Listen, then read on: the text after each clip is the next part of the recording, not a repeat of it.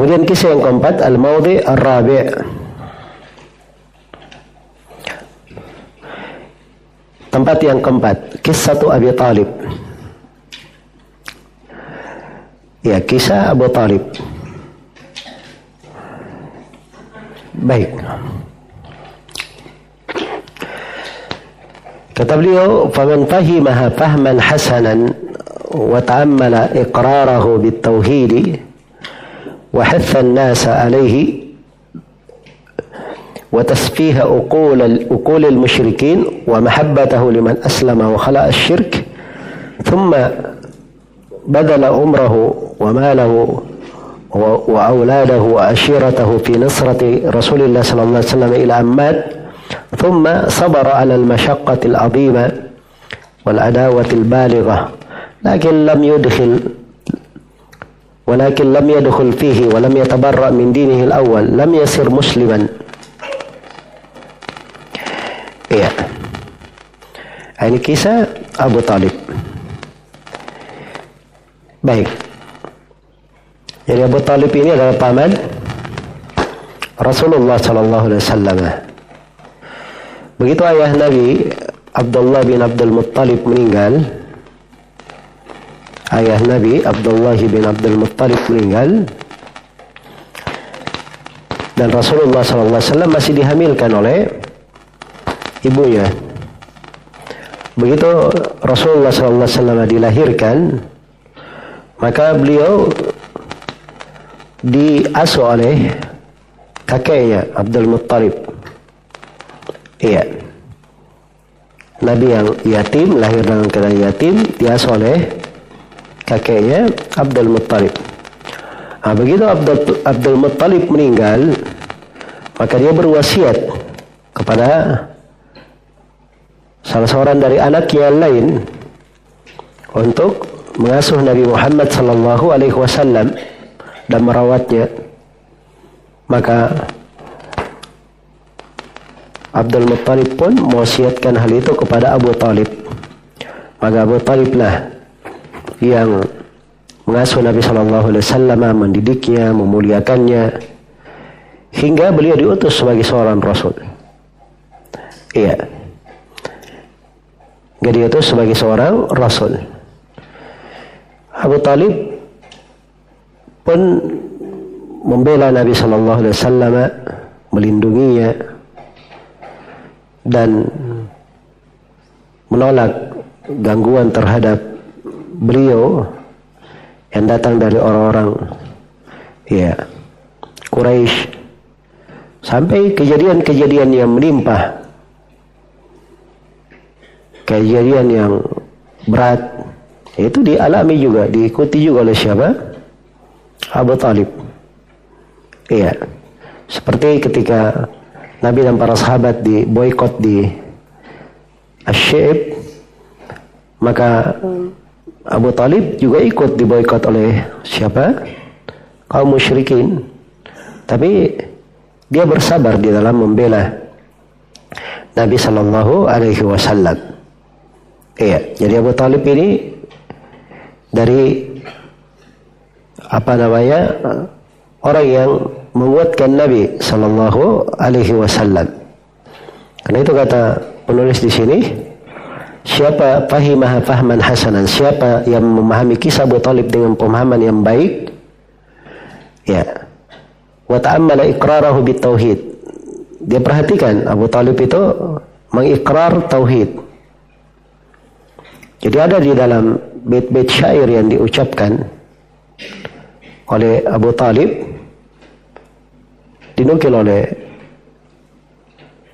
sejumlah ulama di buku sirah dan disebutkan pula oleh Ibnu Katsir dalam Al-Bidayah wan Nihayah sebagian dari ucapan Abu Talib menunjukkan dia apa namanya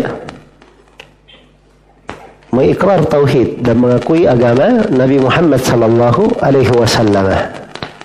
Seperti ucapan Abu Talib walaqad alimtu bi anna dina Muhammadin min khairi adyanil bariyati dina. Iya laula al malamatu aw khidaru masabbatin la ra'aitani samhan bidaka mubina Kata Abu Talib, saya telah mengetahui bahwa agama Nabi Muhammad itu adalah agama manusia yang paling baik. Andai kata bukan khawatir celaan, ya takut dicela dan takut dicerca, maka engkau akan melihat saya telah lapang untuk menerima agama ini dengan penuh kejelasan. Ya. Jadi menunjukkan dia mengakui bahwa Nabi Shallallahu Alaihi Wasallam bawa agama yang benar. Nah, wahathan nasa alaihi. Abu Talib mengajak manusia kepada agama Nabi Muhammad. Watasfiha ukulil musyrikin dan dia Abu Talib juga memperbodoh akal-akal kaum musyrikin. Dia anggap bahwa kaum musyrikin itu bodoh akalnya. Terang dari Abu Talib. Ya wa mahabbatahu liman aslama wa khala syirk. Abu Talib itu dia apa namanya cinta kepada siapa yang memeluk Islam dan siapa yang menanggalkan kesyirikan. Iya. ثم بذل عمره وماله وأولاده وأشيرته في نصرة رسول الله صلى الله عليه وسلم إلى أمات. Lalu Abu Talib mencurahkan umur, harta, anak-anak, dan keluarga untuk menolong Rasulullah sallallahu alaihi wasallam hingga Rasulullah sallallahu alaihi wasallam meninggal. Iya. Itu luar biasa sampai dia meninggal. Dia berikan semua yang dia miliki. ثم صبر على المشقة العظيمة والعداوة البالغة. Kemudian Abu Talib bersabar terhadap kesulitan yang besar dan permusuhan yang berlebihan yang berbagai permusuhan yang dialami, Abu Talib sabar di atas hal tersebut. Dia tetap melindungi Nabi Muhammad sallallahu alaihi wasallam. Itu lagi saya yang sudah disinggung oleh penulis ya di awal. Bagaimana di fase Mekah itu tetap diperintah Nabi menyampaikan tauhid, melarang dari kesyirikan. Padahal berbagai kesulitan di sana. Ya. Tapi subhanallah Allah mudahkan ada pamannya Abu Talib yang melindunginya, memperingan. Tapi ujian itu datang setelah pemboikotan. Ya. Maka di masa pemboikotan itu Abu Talib Nabi Shallallahu Alaihi Wasallam tertimpa berbagai ujian yang lain, meninggal istrinya Khadijah. Ya, yang selama ini selalu menyejukkan hati beliau, membantunya dengan jiwa dan hartanya. Ya, kemudian setelah itu meninggal pamannya Abu Talib. Meninggal pamannya Abu Talib. Maka semakin besar gangguan terhadap Nabi dan para sahabat. Karena itulah Nabi Shallallahu Alaihi Wasallam izinkan dari para sahabatnya yang berhijrah ke Habasyah. Sebab di Habasyah rajanya An Najasyi itu didengar bahwa dia adalah seorang raja, siapa yang tinggal di sisinya tidak ada yang dia dolimi. Ya, tidak ada yang dia dolimi, apa pun agamanya. Iya. Maka datanglah sejumlah kaum muslimin ke sana, mereka berhijrah ke Habasyah. Di antara mereka adalah Uthman ibn Affan radhiyallahu taala anhu. Beliau berhijrah ke Habasyah. Iya. Ah, An-Najasyi sendiri itu masuk Islam. Itu menjadi keberadaan para sahabat di sana itu menjadi sebab An-Najasyi masuk Islam. Ya dan itu ada kisahnya bagaimana dia masuk Islam. Ketika kaum musyrikin mendengar para sahabat berhijrah ke sana, tidak berhenti kaum musyrikin. Disusul oleh mereka ke sana. Dibawakan hadiah untuk Najasyi agar supaya mereka ini dikembalikan ke mana? ke Mekah supaya diusir oleh An-Najasyi. Ya, tapi An-Najasyi dia berlaku adil. Maka dipanggillah kedua belah pihak. Ya. Diundang dalam sebuah perdebatan. Ada sahabat, ada kaum musyrikin. Nah, maka di situ terjadi diskusi. Dari situ Najasyi dia mengenal kebenaran Nabi Muhammad sallallahu alaihi wasallam dan dia mengetahui tanda-tanda kenabian Nabi Muhammad sebagaimana yang dibaca di kitab di kitabnya. Iya. Dan apalagi setelah dibacakan kepada An-Najasyi surah Maryam, maka dia menangis mendengarkan surah tersebut. Nah, setelah tidak berhasil ini, kaum musyrikin kembali. Jadi antara sahabat ada yang berhijrah ke Habasyah. Ya bahkan sebagian ulama sejarah mengatakan dua kali hijrah ke sana. Ada dua kali hijrah ke Habasyah. Iya. Menunjukkan besarnya gangguan yang menimpa Nabi Shallallahu Alaihi Wasallam dan para sahabat. Maksudnya di sini bahwa Abu di sebagian keadaan itu mengalami dari ujian dan cobaan tersebut, tapi dia sabar dalam membela Nabi Shallallahu Alaihi Wasallam. Baik. Akan tetapi kata penulis walakin lam yadkhul fihi wa lam yatabarra min dinihi al-awwal. Tetapi Abu Talib ini tidak memeluk Islam dan tidak berlepas diri dari agamanya yang pertama. Maksudnya agama kaum musyrikin. Iya. Lam yasir musliman, maka dia menjadi, tidak menjadi muslim. Ma'annahu ya'tadir an dhalika bi anna fihi masabbatan li abihi Abdul Muttalib wa li Hashim wa ghairihima min masyayikhihim thumma ma'a qarabatihi wa nusratihi istaghfara lahu Rasulullah sallallahu alaihi wasallam. Iya. Jadi dia tidak menjadi muslim dengan hal tersebut. Padahal kalau ditanya apa alasannya kenapa engkau masuk tidak masuk Islam? Abu Talib sebut dia punya alasan. Alasannya karena iya. Kalau dia masuk Islam itu itu artinya dia mencela ayahnya.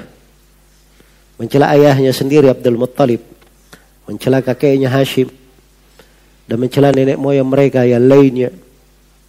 Iya.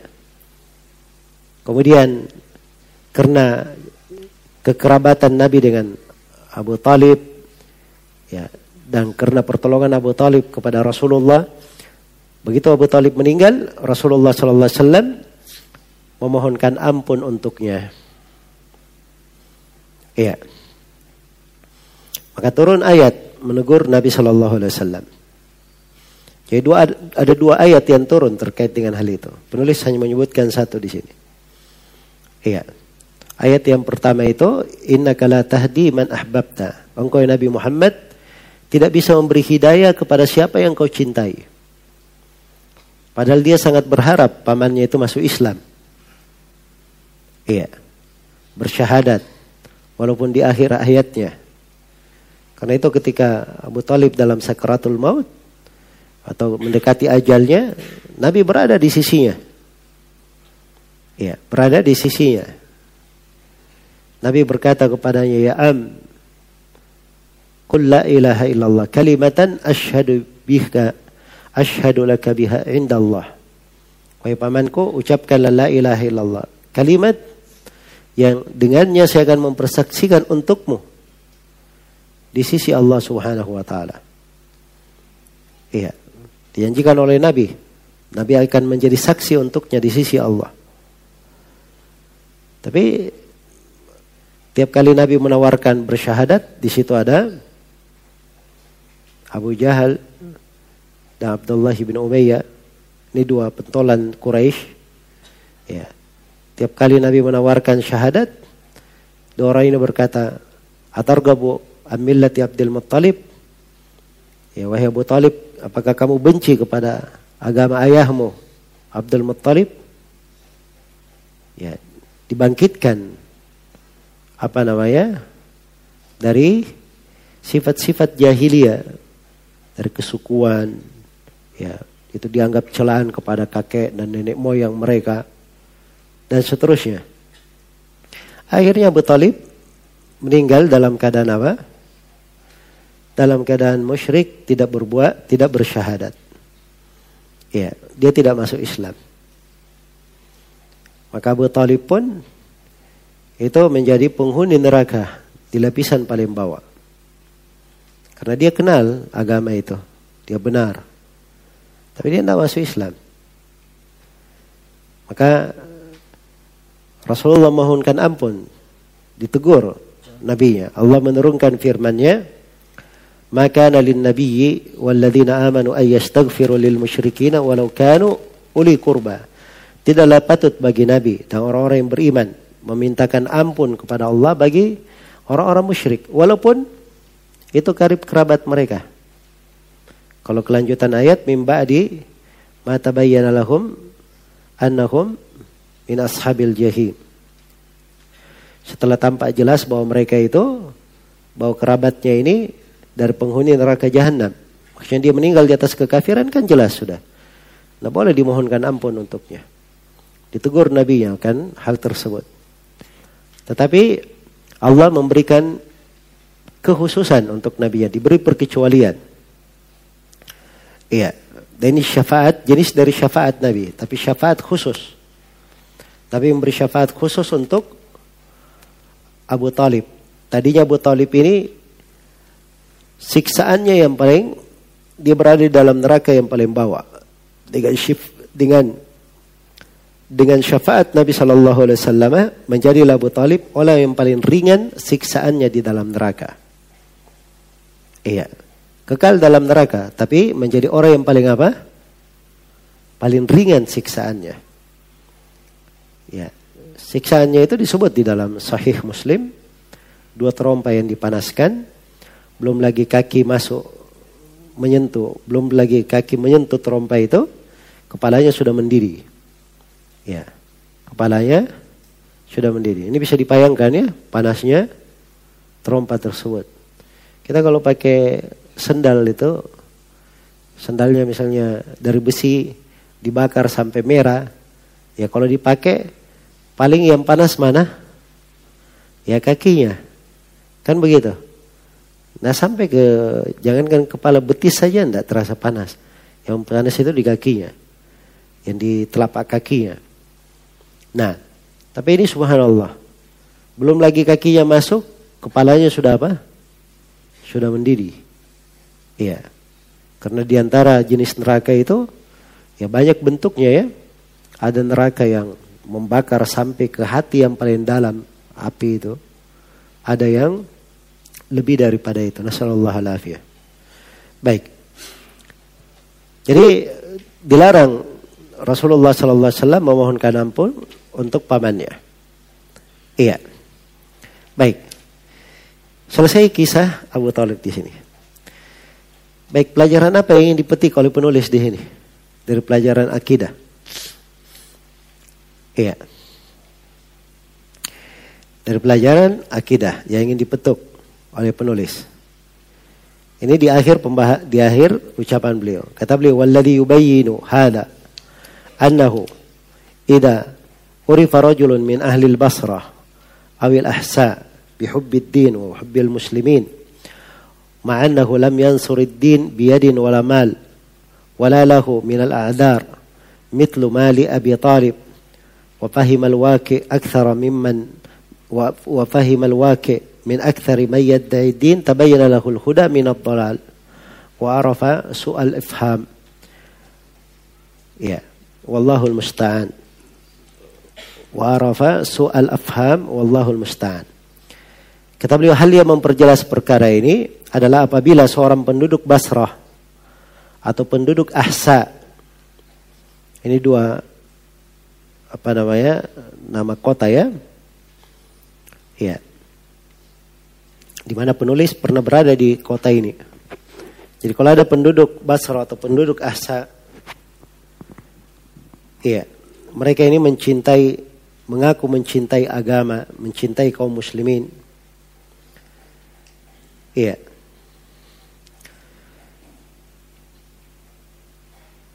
Dan bersama dianggap bersama kaum muslimin padahal dia tidak pernah menolong agama dengan tangan, tidak pula dengan harta. Dan dia tidak memiliki udur-udur seperti Abu Talib miliki. Iya. Jadi sekarang ada orang yang mengaku dirinya cinta agama. Cinta kaum muslimin. Hah? Tapi bersamaan dengan itu, ketika terjadi apa namanya perseteruan antara yang hak dan yang batil, antara tauhid dan kesyirikan. Dia tidak pernah menampakkan dirinya. Ya. Ini istilah orang sekarang ingin cari jalur aman. Dia mau aman-aman saja dia, tidak ada musuhnya. Iya. Kan begitu ya diucapkan oleh banyak orang. Oh kita biasa aja. Jangan cari musuh. Makanya tidak usah kita bahas tauhid, bahas masalah sholat saja. Iya. Bahas masalah akhlak saja. Jelas ya? Ini orang-orang seperti ini, ya. Kalau dia hidup di masa Abu Jahal, Abu Jahal juga tidak ada yang mengingkarinya. Sebab itu bukan hal yang dipermasalahkan oleh mereka. Mereka itu ada ibadah. Kaum musyrikin punya haji, punya umroh. Ada dari akhlak mereka. Sebagaimana yang telah berlalu. Ya. Harus dipahami inti masalah mereka di pembahasan apa? Pembahasan tauhid itu yang membuat mereka membenci Nabi dan para sahabat. Iya. Baik.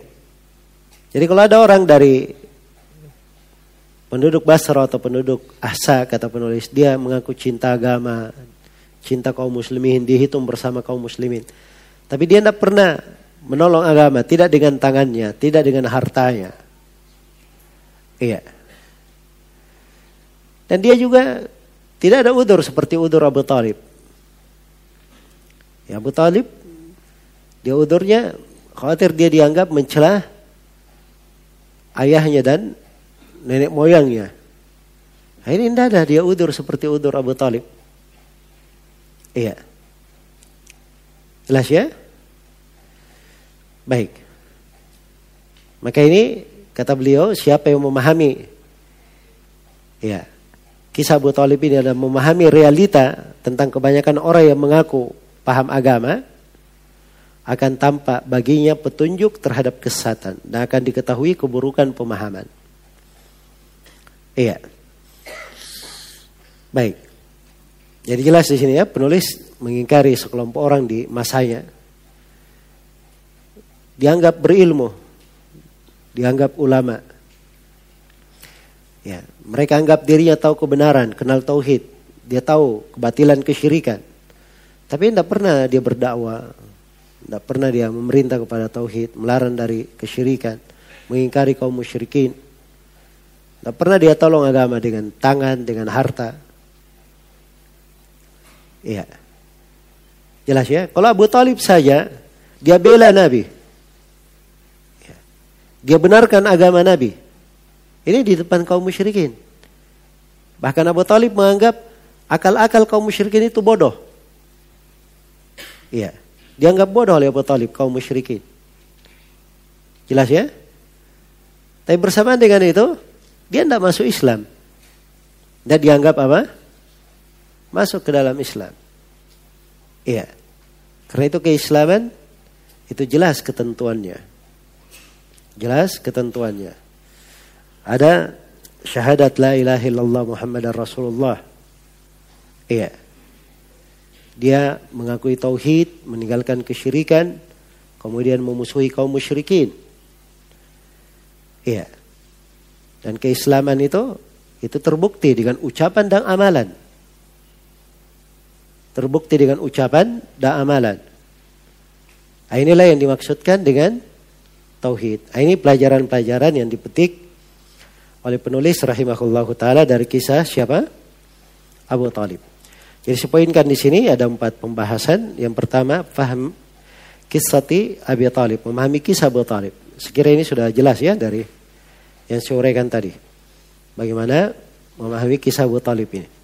Kemudian yang kedua, layak fil iqraru bil islami haqq wa difa'u anhu. Ya wa syirk wal musyrikin bal labudda min ad-dukhuli fil islam. Iya. Wa mutaba'ati ar-Rasul sallallahu alaihi wasallam wal bara'ati min asy-syirki wal musyrikin. Iya. Tidak cukup mengakui Islam itu benar, membela Islam, mencela kesyirikan dan kaum musyrikin. Itu tidak cukup. Tapi dia harus masuk ke dalam Islam. Wa mutaba'atir Rasul Jadi perbaiki tulisannya ya. Wa mutaba'atir rasul. Iya. Dan al-bara'ah minasyirki. Ada minnya di situ. Enggak. Wal bara'ah minasyirki wal musyrikin. Jadi tidak cukup dia hanya mengaku Islam itu benar, membela Islam, mencela kesyirikan dan kaum musyrikin. Ya. Tapi dia harus masuk dalam Islam. Harus mengikuti Rasulullah sallallahu alaihi berlepas diri dari kesyirikan dan kaum musyrikin. Nah, ini tiga hal. Harus ada dalam keislaman. Iya. Terikat dengannya. Terkait. Tidak terlepas. Baik. Abu Talib dia membela Rasulullah. Dan dia mencela kaum musyrikin. Dia cinta kepada orang yang masuk Islam. Senang dengan orang yang menanggalkan kesyirikan. Tapi dia tidak masuk Islam. Kenapa? Karena dia tidak apa? Tidak bersyahadat. Iya.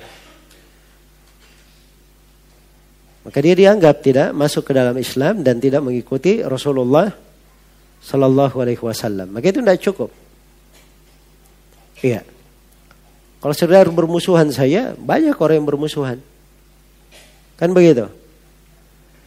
Ya, orang Yahudi musuhan dengan orang Nasar. Orang Nasar bermusuhan dengan orang Yahudi. Apakah orang Yahudi Muslim? Hah? Oh enggak, Yahudi Muslim. Kenapa? Oh dia jago membantah Nasara. Tidak. Tapi ada syarat keislaman harus diketahui. Ya. Mereka harus mengetahui bahwa Allah satu-satunya yang berhak diibadahi. Dia terima hal tersebut, ya. Dia ketahui bahwa dia harus berlepas diri dari segala yang diibadahi kecuali Allah Subhanahu wa taala. Iya. Dia tahu tauhid, menghindari kesyirikan dan dia berlepas diri dari kesyirikan dan kaum musyrikin. Baik. Kemudian yang ketiga la adar ya Abi Talib wa ma dzalika lam yasir musliman. Ada udur-udur bagi Abu Talib, tapi bersamaan dengan itu dia tidak menjadi seorang muslim. Iya. Jadi tidak semua orang yang punya udur dikatakan diterima udurnya. Diterima udurnya. Iya. Nah ini Abu Talib hal yang mudah sebenarnya. Terkait dengan udur dia. Dia tanggung saja apa namanya sabar untuk menghadapi kaumnya. Ya, walaupun ayahnya dicela dan seterusnya itu tidak ada masalah. Ya, Allah akan memuliakannya dengan Islam. Andai kata dia masuk Islam pasti akan dimuliakan dengan Islam. Tapi dia tidak memilih hal tersebut. Tidak memilihnya. Dia lebih mementingkan apa? gengsinya untuk tidak dicela ayah-ayahnya. Baik. Kemudian yang keempat, kashful huda min ad-dhalal wa su'ul faham. Biman arafa al-haqq wa tauhid wa butlan asy-syirk wa lam yaqumu binasrid din wal amri bit tauhid wa nahyi syirk. Menyingkap petunjuk terhadap kesesatan dan jeleknya pemahaman. Iya dan jeleknya pemahaman terhadap orang yang mengenal kebenaran dan tauhid. Orang yang mengenal kebenaran dan tauhid dia mengerti juga kebatilan syirik tetapi dia tidak menolong agama dan tidak memerintah kepada tauhid dan tidak melarang dari apa? kesyirikan. Nah, ini pelajaran yang paling pokok sebenarnya di sini di dalam poin yang ketiga ini atau di di di, di poin yang keempat ini dari kisah ini. Kisah Abu Talib. Iya. Nah, di sini akan semakin jelas tauhid itu apa. Apa yang dimaksud dengan agama Rasulullah Sallallahu Alaihi Wasallam. Iya. Itu semuanya kandungan dari syarat la ilaha illallah. Jadi subhanallah syarat la ilaha illallah itu yang delapan kemarin itu kalau dipenuhi semuanya, maka ini sudah masuk Ini sekarang penjabaran-penjabarannya. Ya. Diingatkan oleh penulis secara detail. Nah, itulah pembahasan-pembahasan tauhid ya. Seorang kalau sudah tahu kaidah-kaidahnya dasarnya, nanti dia baca buku apa saja, maka buku-buku yang dia baca itu memperkuat dasarnya. Iya, memperkuat dasarnya. Baik, ini keistimewaan seorang yang belajar tauhid. Tapi kalau dia tidak belajar tauhid sebelumnya, terus dia banyak baca buku, ya akan luput nanti itu. Banyak dari faedah akan terlewatkan. Ya, karena itu diketemukan ya ada orang-orang dari ahlul bidah, dia punya banyak bacaan, punya banyak buku. Banyak mutala, tapi di bidang ilmunya saya. Ada yang ahli di nahwu misalnya, di bahasa. Ada yang ahli di bidang apa namanya sirah, ada yang ahli di bidang usul fikih, ada yang ahli di bidang. Dia banyak membaca, tapi tidak mengambil faedah darinya. Kenapa? Karena dia tidak memiliki dari kaidah-kaidah dasar pada tauhid ini. Iya. Maka ini penting sekali. Membuat seorang itu mengambil manfaat pada setiap hal yang dia baca. Dan tidak ada ilmu yang melebihi ilmu tauhid di dalam hal itu. Seorang baca buku apa saja, ya dengan bekal ilmu tauhid yang dia miliki pasti dia mendapatkan dari faedah-faedah pembahasan tauhid di dalamnya. Baik. Selesai pembahasan yang keberapa? Tempat yang ke empat.